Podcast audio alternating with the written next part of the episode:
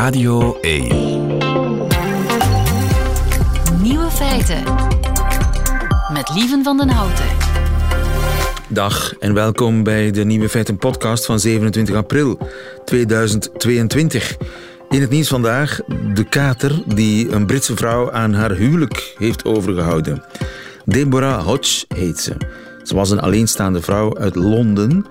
Ze woont in een huurappartement waar huisdieren eigenlijk verboden zijn, maar ze had na lang smeken een uitzondering bedongen van haar huisbaas, omdat ze extreem gehecht is aan haar kat India. Maar ja, Deborah verloor tijdens de pandemie haar job en nu bestaat de kans dat ze de huur niet meer kan betalen, waardoor ze misschien uit haar appartement wordt gezet en ze een nieuwe woonst moet zoeken. En wie weet zal die nieuwe huisbaas haar kat verbieden. Gelukkig heeft Deborah nu een sluw plan verzonnen. Ze is getrouwd met haar kat op 19 april, want dat mag in het Verenigd Koninkrijk. Zo weten alle huisbazen dat we één familie vormen, zegt Deborah. En voor het huwelijk droeg Deborah een net kostuum en India de kat een cape met een strikje. Het huwelijk vierde het koppel met een picknick in het park. Romantiek. In Engeland 2022. De andere nieuwe feiten vandaag. De boer van de toekomst sproeit geen veld meer, maar individuele plantjes. Vrouwen hebben meer last van vriendschapsjaloezie dan mannen. En het Duitse parlement discussieert straks over een maximumsnelheid van 100 km per uur op de autobaan. Nog meer nieuwe feiten in de woensdagquiz. En die van Grof Geschut die hoort u in hun middagjournaal. Veel plezier.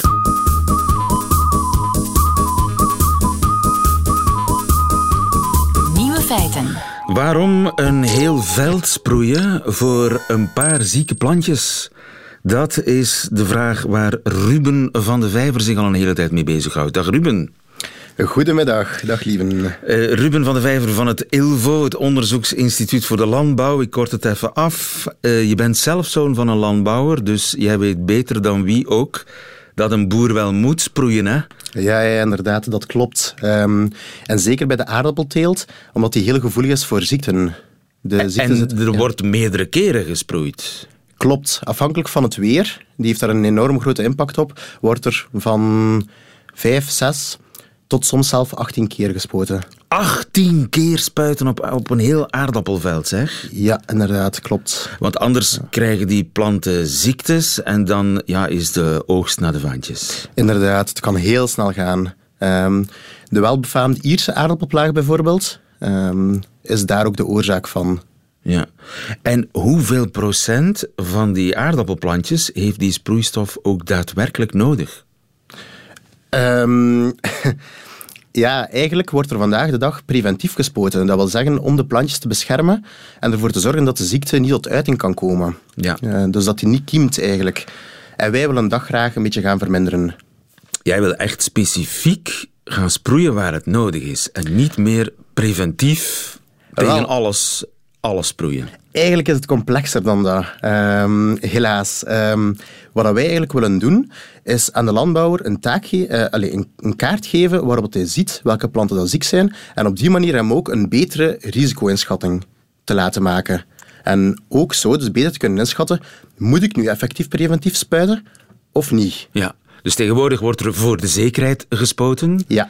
En eigenlijk wil je de kennis van de boer vergroten. Hoe ga je dat doen? Ja, inderdaad. Door met een drone over te vliegen en hoge resolutiefoto's te nemen. En ook in het nabij infrarood. Dat is een kleur die je eigenlijk zelf niet kan zien met menselijk oog, maar die onze camera's wel kunnen oppikken. Infrarood? Infrarood, High resolution camera, hoge resolutie, uh, met een drone over dat uh, aardappelveld vliegen. Ja. En wat leer je daar dan uit? Daar kan je dan in detail die bruine vlekjes van de ziektes op zien, waardoor je veel beter in kaart kunt brengen waar precies de ziektes zitten. Het klinkt simpel, maar het is in werkelijkheid waarschijnlijk veel minder simpel. Want ja, je moet natuurlijk, als je zo'n foto maakt van een heel aardappelveld, ja, begin maar te zoeken. Hè? Ja, ja, inderdaad. En dat is waarvoor dat wij dan artificiële intelligentie gebruiken. Wij hebben die eigenlijk aangeleerd om die, dat specifieke ziektepatroon te herkennen en op die manier kan hij dus eigenlijk alle ziektes gaan opsporen in al die foto's. En hoe ver sta je op dit moment? Wel, op dit moment hebben we het getest op onze proefvelden.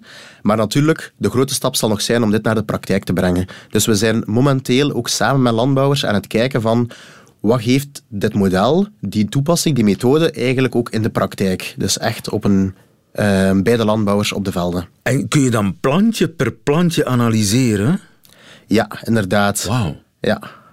En dus kan die boer eigenlijk bijna manueel met een, met een plastic bus dat plantje gaan behandelen?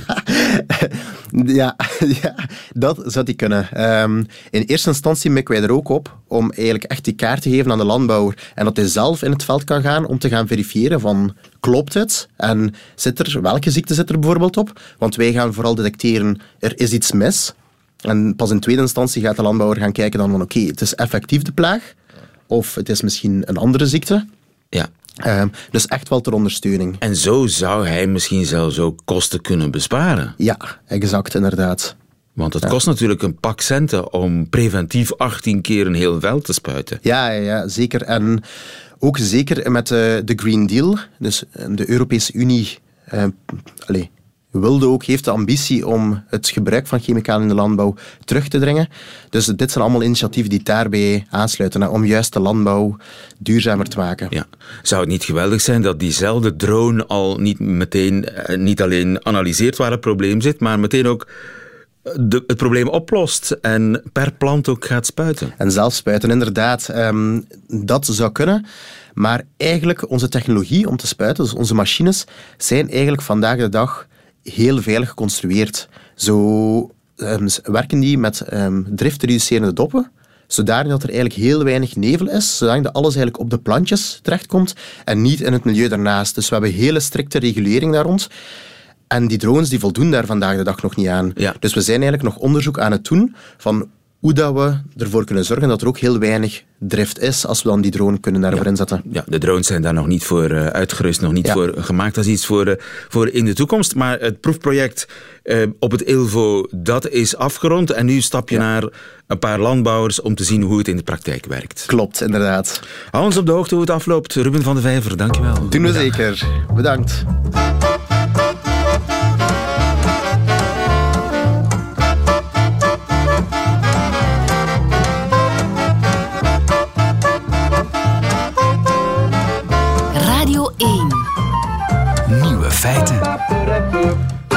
De oorlog in Oekraïne doet vele taboes sneuvelen. Het NAVO-lidschap van uh, Zweden bijvoorbeeld, vroeger taboe.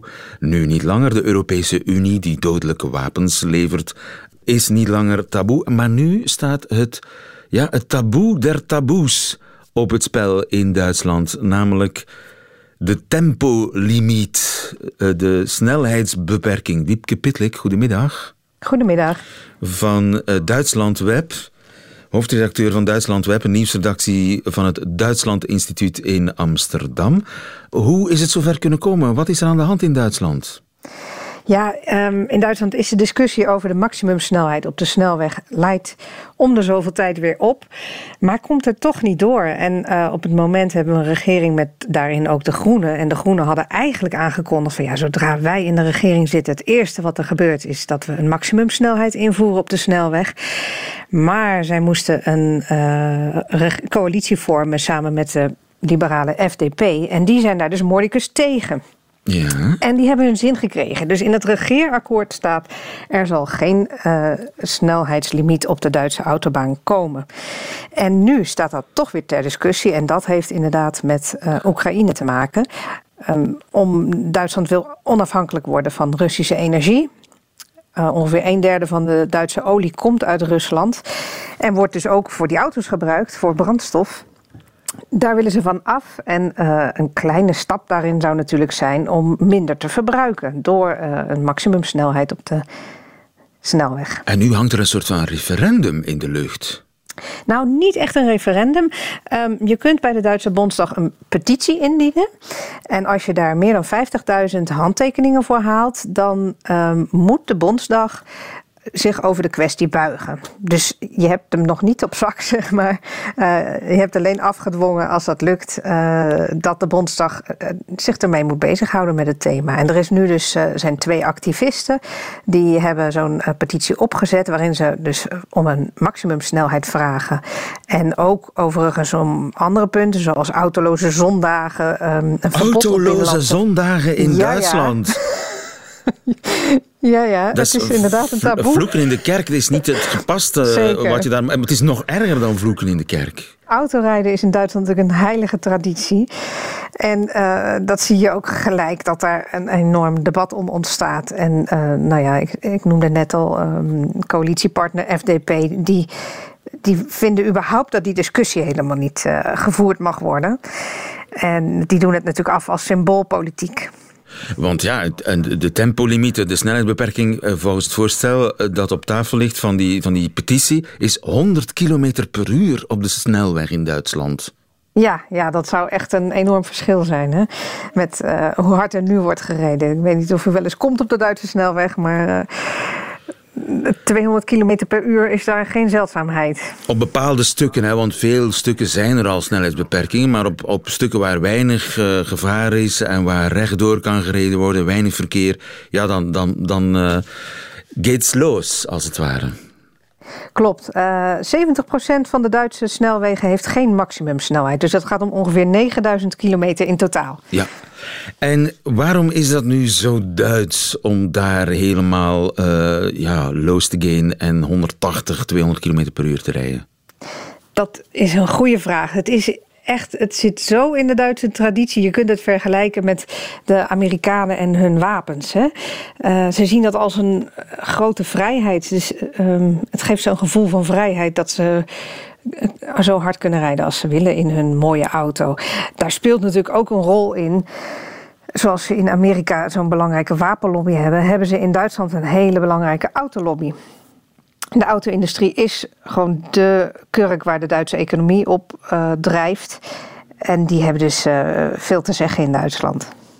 En dat is niet alleen een kwestie van lobbying, het zit ook echt in de ziel van heel veel Duitsers. Ik bedoel, de auto die wordt vertroeteld, gewassen, elke week. Uh, dat, dat, is een Duitser, zijn auto, dat is heilig. Klopt. En veel Duitsers werken natuurlijk ook uh, in de auto-industrie. Dus die zijn daar ook voor hun boterham van afhankelijk. Maar eh, ook buiten de mensen die daar werken. Het, het is echt een heel belangrijk iets voor Duitsland. Er is natuurlijk ook veel uh, platteland waar je ook eigenlijk wel een auto nodig hebt. Omdat het openbaar vervoer daar bijvoorbeeld niet goed genoeg is. Ook bijvoorbeeld de ADAC, hè, die zich inzet eigenlijk voor uh, de belangen van de automobilisten. Ja, die waren ook altijd tegen zo'n uh, maximumsnelheid. Maar je ziet de laatste tijd toch wel een kentering. Um, dat was al voor Oekraïne aan de gang, namelijk vanwege het klimaat natuurlijk. Want het bespaart ook heel veel CO2 als er minder hard gereden wordt. En uh, bijvoorbeeld die ADAC heeft zich al uitgesproken dat ze open zijn voor een debat daarover. En je ziet ook bij de Duitse bevolking uit een peiling dat daar uh, ook een kentering ontstaat. Ongeveer uh, de helft van de Duitsers zijn inmiddels wel voor een uh, maximumsnelheid. En momenteel uh, is dat zelfs drie kwart, omdat een kwart wel voor een tijdelijke maximumsnelheid is, nu in, uh, in ja. tijden van energienood. En toch zijn er, zoals die FDP, die politieke, zijn er politieke partijen die mordicus tegen zo'n snelheidslimiet zijn. Wat zijn hun argumenten eigenlijk?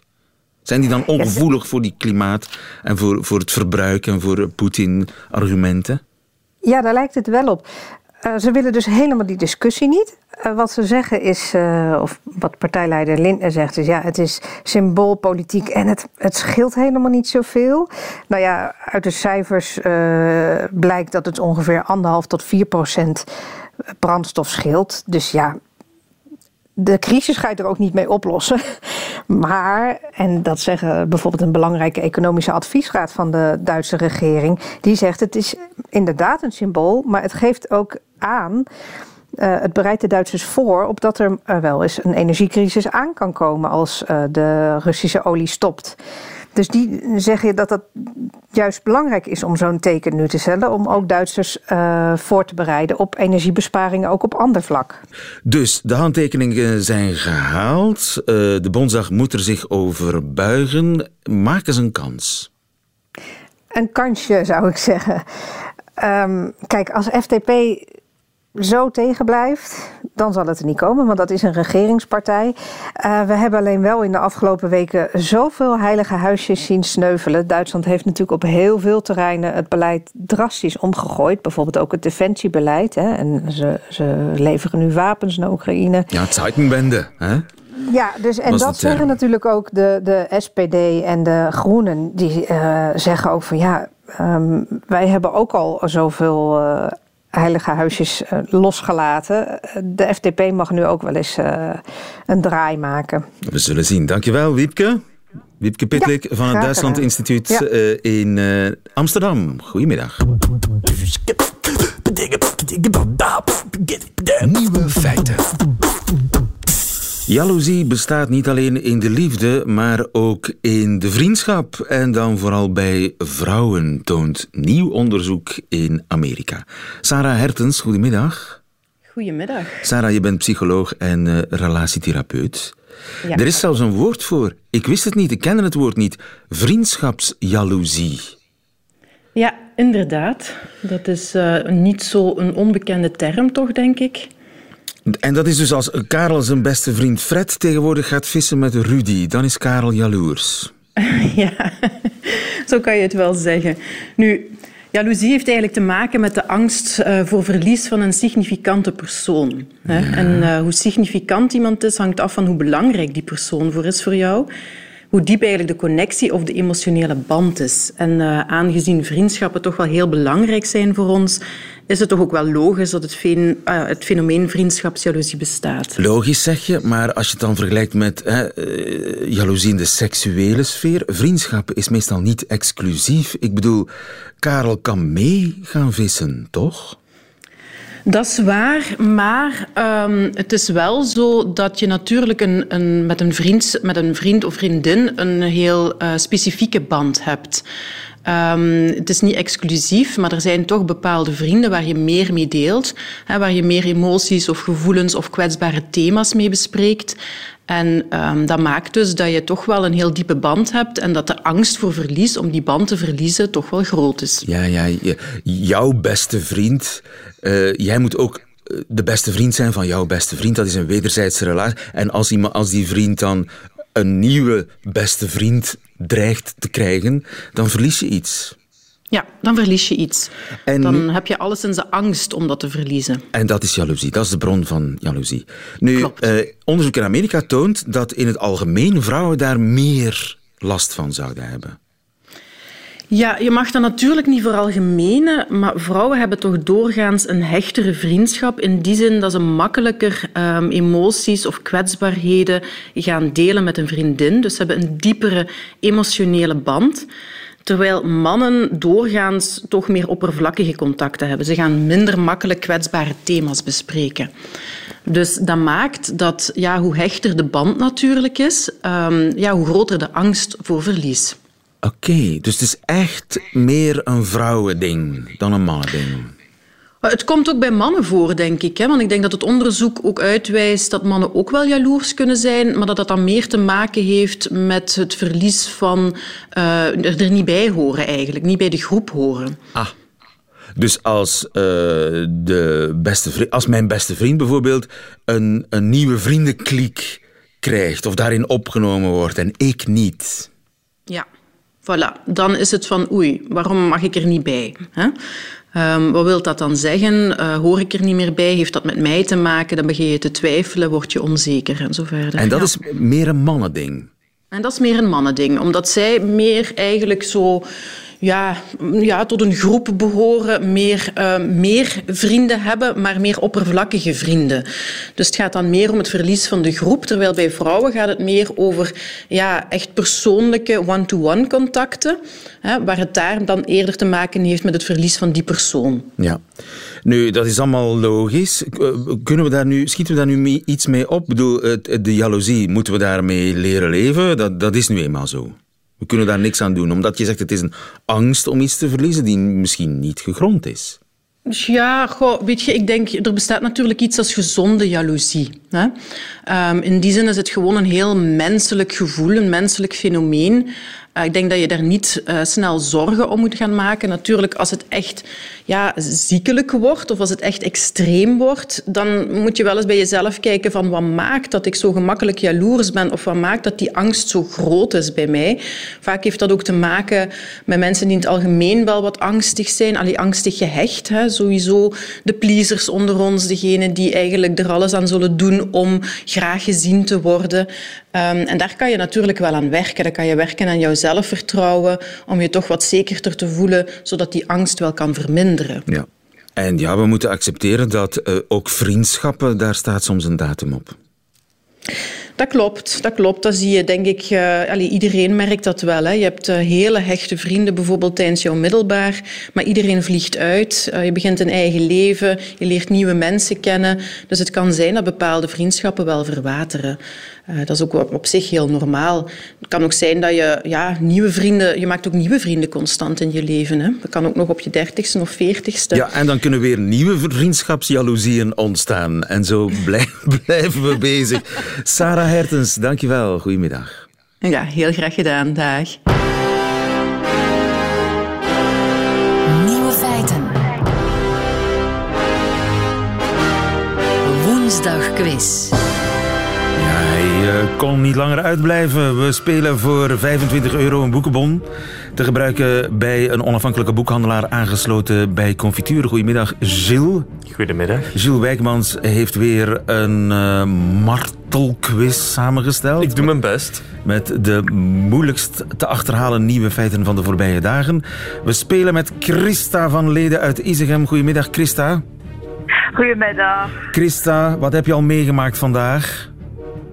Um, oh ja, niet zoveel. Ik ben niet thuis. Veel. Oh. Nee, nee, niet zo heel veel. Dat is nu wel het bijzonderste. En, de dag kan niet meer stuk, als het ware. Nee. Je speelt nee. tegen Randy, Randy Lauwers uit Brussel. Heb jij al iets speciaals meegemaakt uh, vandaag, Randy? Wel, ik ben eigenlijk aan het werk. Dat is toch... Uh, dat geeft toch niet? Randy, dan nee, gebeurt er helemaal niks op je werk. Je Nee, bent bibliothecaris. nee, nee, nee, ik sta in de keuken. Ik ben een kok. Ah, je bent een kok. Wauw. Ja. Ah, en uh, wat, wat eet je vanmiddag? Uh, deze middag eten we niet veel. Uh, tussendoor gewoon een broodje. Ah, de kok zelf moet die moet eten, moet eten klaarmaken voor andere mensen en eet zelf een broodje. Goed, uh, Christa en Randy, ik ga jullie kennis testen van een aantal uh, vier, om meer uh, precies te zijn, nieuwe feiten. Ik begin bij Christa, die zich het eerst heeft gemeld. Zolang zij juist antwoord blijft aan de beurt. Bij een fout antwoord gaat de beurt naar Randy. Wie het laatste nieuwe feit goed kent, die wint deze quiz. Christa. Wat zorgt er volgens nieuw onderzoek voor dat voedingsstoffen en zuurstof zich in de oceanen verspreidt? A. Is dat de flatulentie van walvissen? Walvissenwind, als het ware. Is dat B. De paring van ansjovissen? C. Onderwatervulkanen die stoffen van op de bodem van de oceaan naar boven schieten. Hoe verspreiden voedingsstoffen en zuurstof zich in de oceanen? Christa.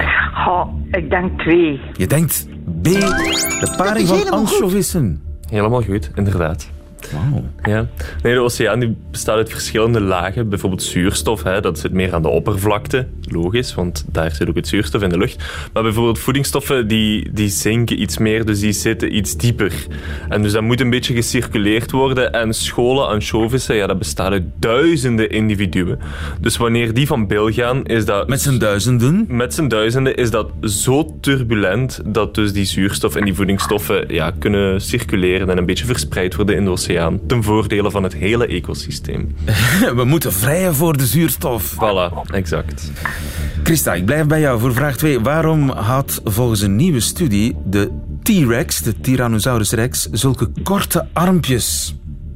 Was dat A, om te vermijden dat hun armen er werden afgebeten door andere dino's? B. Als ze grotere armen hadden, zouden ze telkens voorovervallen. C. Door die kleinere armpjes kan er meer energie naar andere lichaamsdelen gaan. Een soort energiebesparing. A, B of C? Ik denk C. Fout! Randy komt in de wedstrijd. Randy, wat denk jij? Ik denk B. Fout! Wat was het wel? Het was A natuurlijk. hè. Want dino's zouden volgens dat onderzoek, of T-rexen in ieder geval, wel eens met meerdere individuen van dezelfde prooi durven te eten. En wanneer ze allemaal aan het schrokken waren van die dode prooi die daar ligt, ja, dan zou het wel eens kunnen dat daar ineens de arm van een T-rex tussen zat. En dan is het handig. En dan is het handig om een korte arm te hebben, zodat die iets, eh, nou, laten we zeggen, uit de gevarenzone zit. Allemaal dankzij Darwin. Christa, ik kom terug bij jou voor vraag 3. Een Indische man koopt als investering een schitterend zwart raspaard van het zeldzame Mawari-ras. Hij betaalt er 27.000 euro voor. Maar als het paard aankomt, blijkt er iets mis mee te zijn. A. Bleek genetisch om een ezel te gaan. B. Paard bleek een been te missen. C. Het was een bruin paard dat zwart geverfd was. Ik denk C. Dat is helemaal goed. Wist je het? Het klinkt alsof je het wist. Of misschien zelf Ja, al alles voor nee. Het, eh, het was een, eh, een gok misschien, maar het was wel waar. Ja, inderdaad. Het was een, een roestbruin paard dat dan voor de foto heel ja, glanzend zwart geschilderd was. Een beetje Black Beauty-achtig, zo'n beetje poëtisch. Maar dan wanneer hij het een douche gaf, toen het eh, dier eenmaal was aangekomen, bleek het dus ja, om een bruin paard te gaan en om zwarte verf. Ja, dus in- investering 27.000 euro. Die man, die, die zaak krijgt nog een staartje, neem ik aan. Ja, daar is klacht bij de politie ingediend. Christa, gefeliciteerd. Dankjewel, dankjewel. eh, eh, eh, wat, roestbruin of zwart, wat zou jij het liefste zien? Eh roesbruin. Roestbruin, hè? Tuurlijk, Dus voor jou... ma- natuurlijk. Tuurlijk. Dat paard had mogen blijven wat jou betreft. Vraag 4. Heb je, die, Absoluut, heb, je die, absoluut. heb je die goed, Christa, dan eh, win je deze quiz. Oké. Randy, je bent er nog, hè? Ja, ja, Alles is nog niet verloren. Welke nieuwe chipsoort is Japan aan het overnemen? A. Schimmelchips. Vergelijkbaar met schimmelkaas. B. Natte chips. Ik kan me er weinig bij voorstellen. C. Chips met sushi-smaak.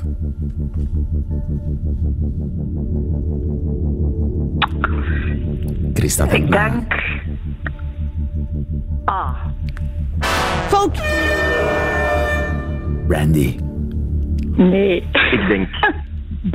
Je denkt B. Dat is helemaal goed. En je hebt helemaal juist gedaan. Dat betekent... Oh nee. Depressie en teleurstelling eh, bij Christa van Leden in Izegem. Zo goed gespeeld. En Ja, toch ernaast gegrepen. naar mijn dochter. Mijn dochter zei B. Ah, je dochter. ik- Ach, maar een gedeelde Ja. smart is halve smart, Christa. Maak er toch nog een Ja. fijne dag van. Randy, gefeliciteerd. Randy Lauwers, je Dank wist het of was het een gok? Eh, ik heb het allemaal te danken aan mijn collega Line. Line wist het. Misschien staat het daar Ja, binnenkort Line op menu. Ik wist het niet. Nat, natte chips. Ja, Wat zijn natte chips? Een natte, natte chips, het is een nieuwe chipsoort die in Japan dus nu te verkrijgen is. Het heet vrijgetaald natte patat. En het is dus een chipsoort waarbij er een soort van sojasaus laagje rond zit, waardoor dat eigenlijk de buitenkant van de chips, eh, ja, laat ik zeggen, vochtig is. En de binnenkant krokant, omgekeerd van wat je normaal zou willen. Ehm, maar enorm populair in Japan. De winkels die het verkochten, ja, daar was de stok direct uitverkocht. Natte chips. Hype in Japan. Randy Lauwers, eh, weet je al welk boek je gaat kopen voor je boekenbon van 25 euro? Een boek over chips, denk ik. Ik zou er toch nog eens over nadenken. Nogmaals gefeliciteerd. Doe de groeten Dankjewel. aan je collega. En volgende week is er weer een woensdagquiz. Merci, bye bye. Radio 1. Nieuwe feiten. En dat waren ze meteen, de nieuwe feiten van 27 april 2022. Alleen nog die van het Vlaams-Nederlandse cabaretduo Grof Geschut nu in hun middagjournaal. Nieuwe feiten. Middagjournaal. Beste luisteraar. Wilhelmus van Nassau. Ja, lap, daar gaan we weer. Ik van Duitsen bloed. Er zit echt geen ene Belg te wachten op het Wilhelmus in het middagjournaal. De mensen zijn aan het eten, hè, Mirte? Nou, ik denk dus van wel. Dit is het tweede jaar op rij dat Lieve van der Houten aan ons vraagt, hè, dus aan mij, om het middagjournaal te doen in de week van Koningsdag. Dat kan toch geen toeval zijn? Die luistercijfers die reizen de pan uit zodra ik begin te zingen. En daarbij, beetje ongepast dat jij nu van alle Nederlanders het Wilhelmus gaat zingen, hè? Landsverrader. Ze kan hier rap genoeg ingeschreven zijn in België. Duwt de Oekraïners aan de kant bij het loket in Antwerpen. Maar nu is het weer ineens van oranje boven. Ik ben gewoon erg blij voor onze Willem. Willempie mag na twee jaar eindelijk weer naar buiten. Eindelijk mag hij zijn verjaardag weer vieren zoals hij dat het liefste doet. Spijkerpoepend, koekhappend en die hele vervelende coronaperiode als een verre nachtmerrie achter zich laten. De reële kans dat er deze winter weer een nieuwe coronagolf over zijn mooie koude kikkerlandje zal spoelen, maar even negerend. Lekker aan die kruidkoek lebberen waar eerst Willemien en Kees aan hebben zitten zuigen. Ik denk dat je dat even moet uitleggen. Ah ja. In Nederland is dat algemene kennis. Ik denk zelfs dat het een vraag is bij de inburgeringscursus voor al die Oekraïners. Wat is koekhappen? A. Een tussendoortje. B. Een besmettelijke ziekte. Of C. Een ranzige gewoonte waarbij er een kruidkoek aan een touwtje hangt en je met je handen op je rug gebonden moet proberen de koek te verorberen. Ah, dat is koekhappen.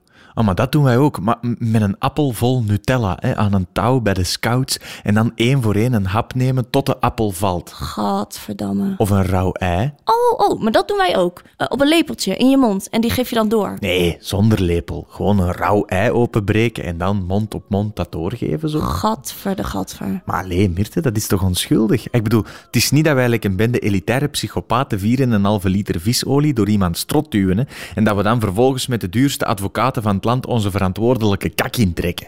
Ah, dus het is hier wel iets wat geciviliseerd. Natuurlijk. Ah, oké. Lieve Belgen, zouden jullie deze landverrader dan nog één pleziertje willen doen en vandaag, net als vorig jaar, samen met mij om 8 uur het volkslied willen zingen? Dan mis ik mijn koude kikkerlandje misschien een beetje minder. Tot morgen.